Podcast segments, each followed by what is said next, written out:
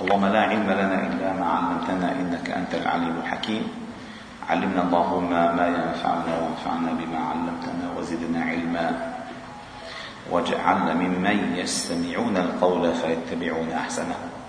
وأدخلنا برحمتك في عبادك الصالحين. ثم أما بعد فنحن في درسنا الخامس من كتاب الشمائل المحمدية للإمام الترمذي وهو يذكر الآن في باب ما جاء في خاتم النبوة أو خاتم النبوة. شو هو خاتم النبوة؟ أولا النبي صلى الله عليه وسلم كما ذكر الله تعالى في كتابه خاتم النبيين. ما كان محمد أبا أحد من رجالكم ولكن رسول الله وخاتم النبيين. يعني به ختمت مسيرة الأنبياء. لا نبي بعده. لا نبي بعده.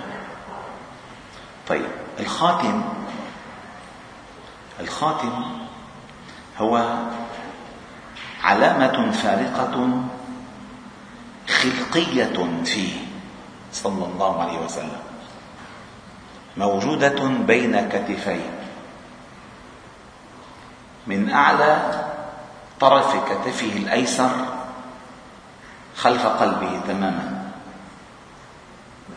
هذه علامة موجودة في كتب في الكتب السابقة حتى أن آه، بحير الراهب كان يعرفها وسلمان الفارسي كان يعرفها.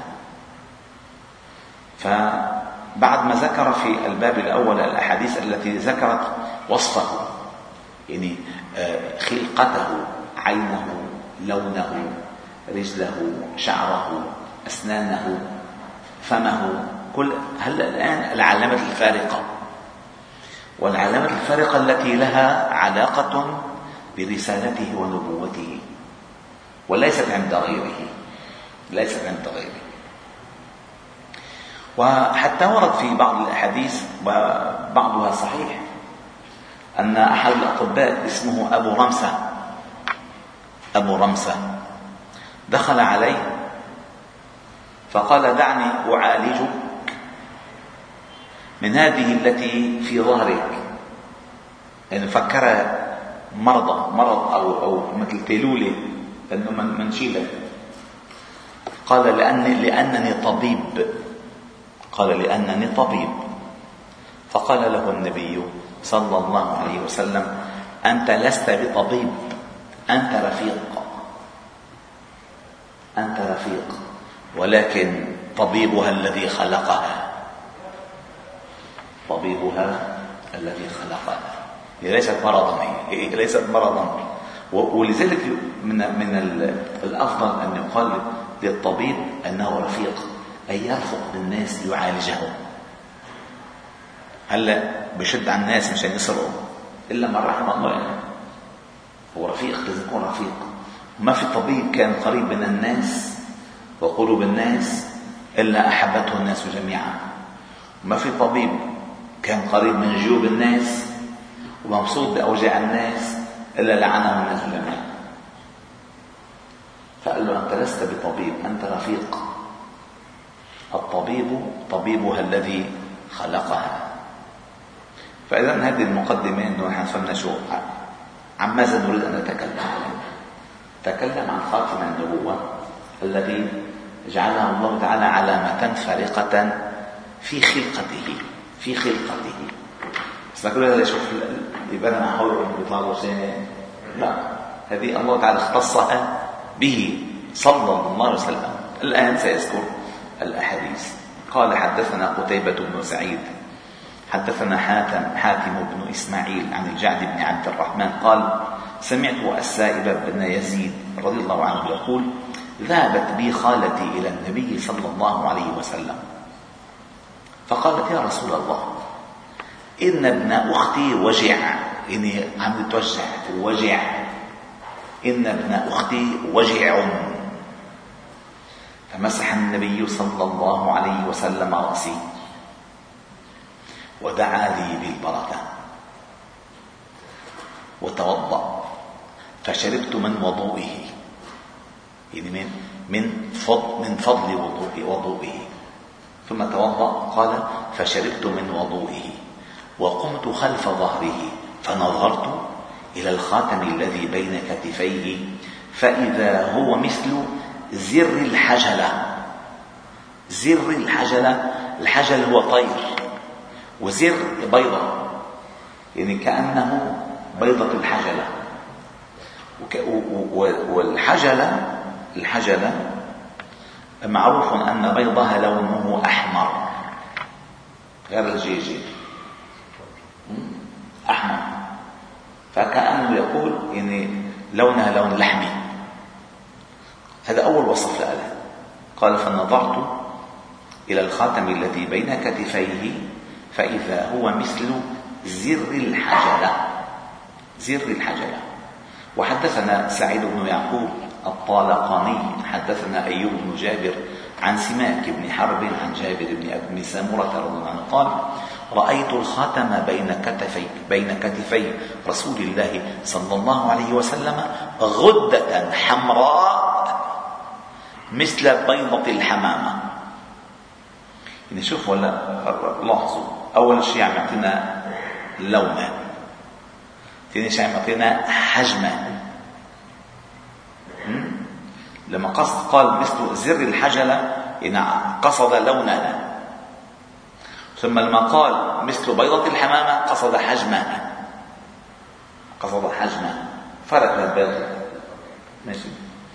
وحدثنا أبو مصعب المدني حدثنا يوسف بن الماجشون عن أبيه عن عاصم بن عمر عن قتادة عن جدته رميثة رضي الله عنها قالت سمعت رسول الله صلى الله عليه وسلم ولو شاء ولو شاء أن أقبل الخاتم الذي بين كتفيه من قربه لفعلت. يقول لسعد بن معاذ يوم مات اهتز له عرش الرحمن. رضي الله تعالى عنه. يعني كانت قريبة منه بقدر لو أرادت أن تقبل آه آه هذا الخاتم لفعلت نعم. وحدثنا أحمد ابن يعني كان ظاهرا المقصود المقصود هذا الحديث أنه كان خاتما ظاهرا ما كان مخبأ قال وحدثنا أحمد بن عبدة الضبي وعلي بن حجر وغير واحد. قال حدثنا عيسى بن يونس عن عمر بن عبد الله مولى غفرة قال حدثني إبراهيم بن محمد من ولد علي بن أبي طالب رضي الله عنه قال كان علي إذا وصف رسول الله صلى الله عليه وسلم فذكر الحديث بطوله وقال بين كتفيه خاتم النبوة وهو خاتم النبيين صلى الله عليه وسلم. وحدثنا محمد بن بشار حدثنا أبو عاصم حدثنا عزرة ابن ثابت قال حدثني علباء بن أحمر اليشكري قال حدثني أبو زيد عمرو بن أخطب الأنصاري قال قال لي رسول الله صلى الله عليه وسلم يا أبا زيد أدن مني فامسح ظهري. فمسحت ظهره فوقعت أصابعي على الخاتم. قلت وما الخاتم؟ قال شعرات مجتمعات. يعني هون وصف. وصف أنها آه، زر حجلة بيضة حمام ولكن عليها شعر. يعني وصف لونها وحجمها وشكلها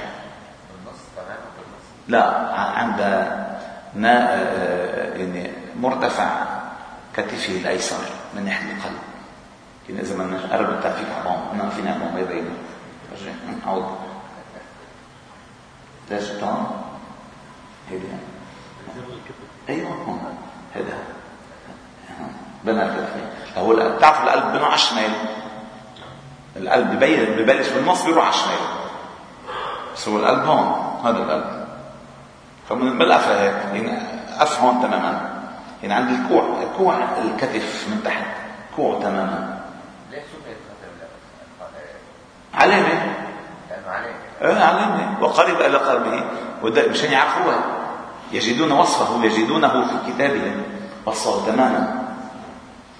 بن فارقة يعني. ثم قال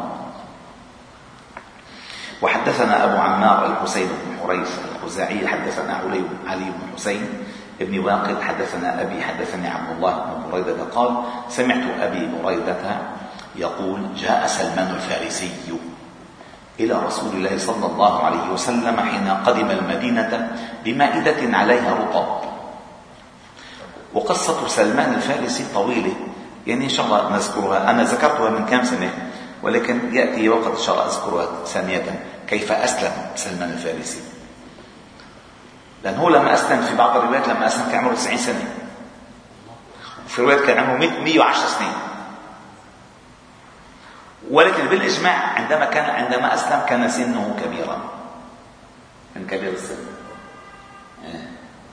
المهم جاء سلمان الفارسي إلى النبي صلى الله عليه وسلم حين قدم المدينة بمائدة عليها رطب فوضعها بين يدي الرسول صلى الله عليه وسلم فقال يا سلمان ما هذا؟ قال صدقة عليك وعلى أصحابك.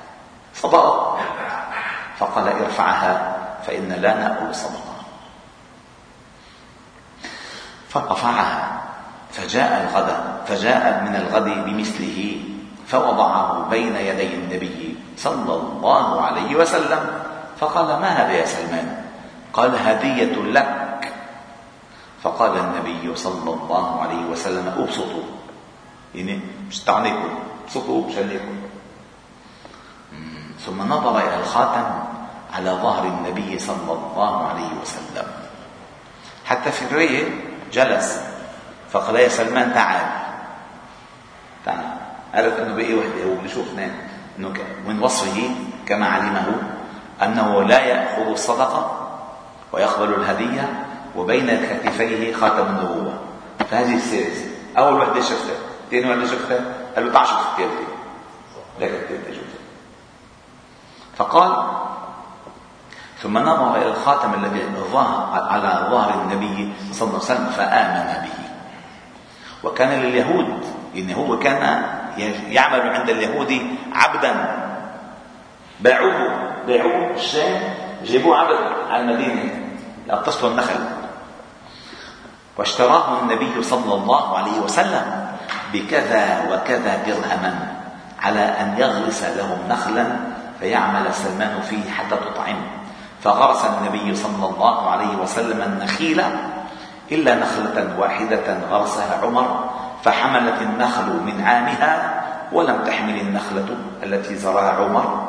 فقال النبي صلى الله عليه وسلم ما شأن هذه النخلة؟ فقال عمر يا رسول الله أنا غرستها. فنزعها النبي صلى الله عليه وسلم فغرسها فحملت من عامها. وميزة ميزة آه، نخل المدينة ميزته أنه آه، قصير. يسميه اللينة ما قطعتم من لينة. لينة أي نخلة قصيرة القامة بأطفى هو واقف بأطف منها اسمها لينة. اسمها لينة. من أنواع النخل بالمدينة المختص بالمدينة أنه اللينة ما قطعتم من لينة أو تركتموها قائمة على أصولها. قال ثم حدثنا محمد بن بشار حدثنا بشر بن وضاح وضاح حدث وضاح حدثنا أبو عقيل الدورقي عن أبي نضرة العوفي قال سألت أبا سعيد عن خاتم النبي صلى الله عليه وسلم قال كان في ظهره بضعه بضعه أي قطعة لحم.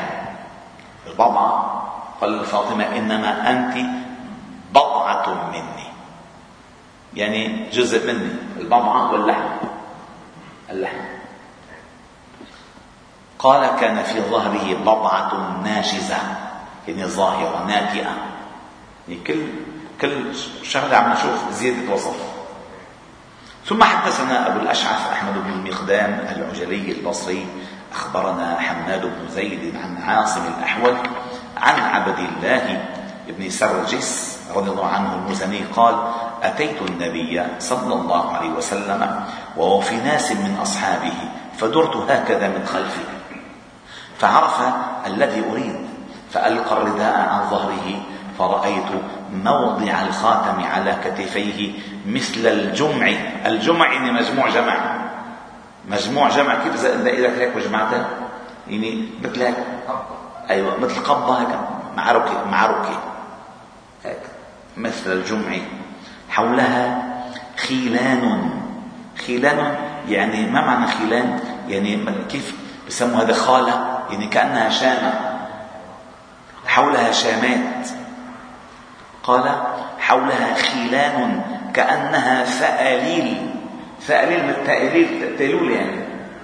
يعني وسط دقيق. قال فرأيت موضع الخاتم على كتفيه مثل الجمع مثل الجمع حولها خيلان خيلان تعرف خال خال يعني الشام خال. كأنها سآليل أي تيمون فرجعت حتى استقبلته فقلت غفر الله لك يا رسول الله. قال ولك. فقال القوم أستغفر لك النبي صلى الله عليه وسلم؟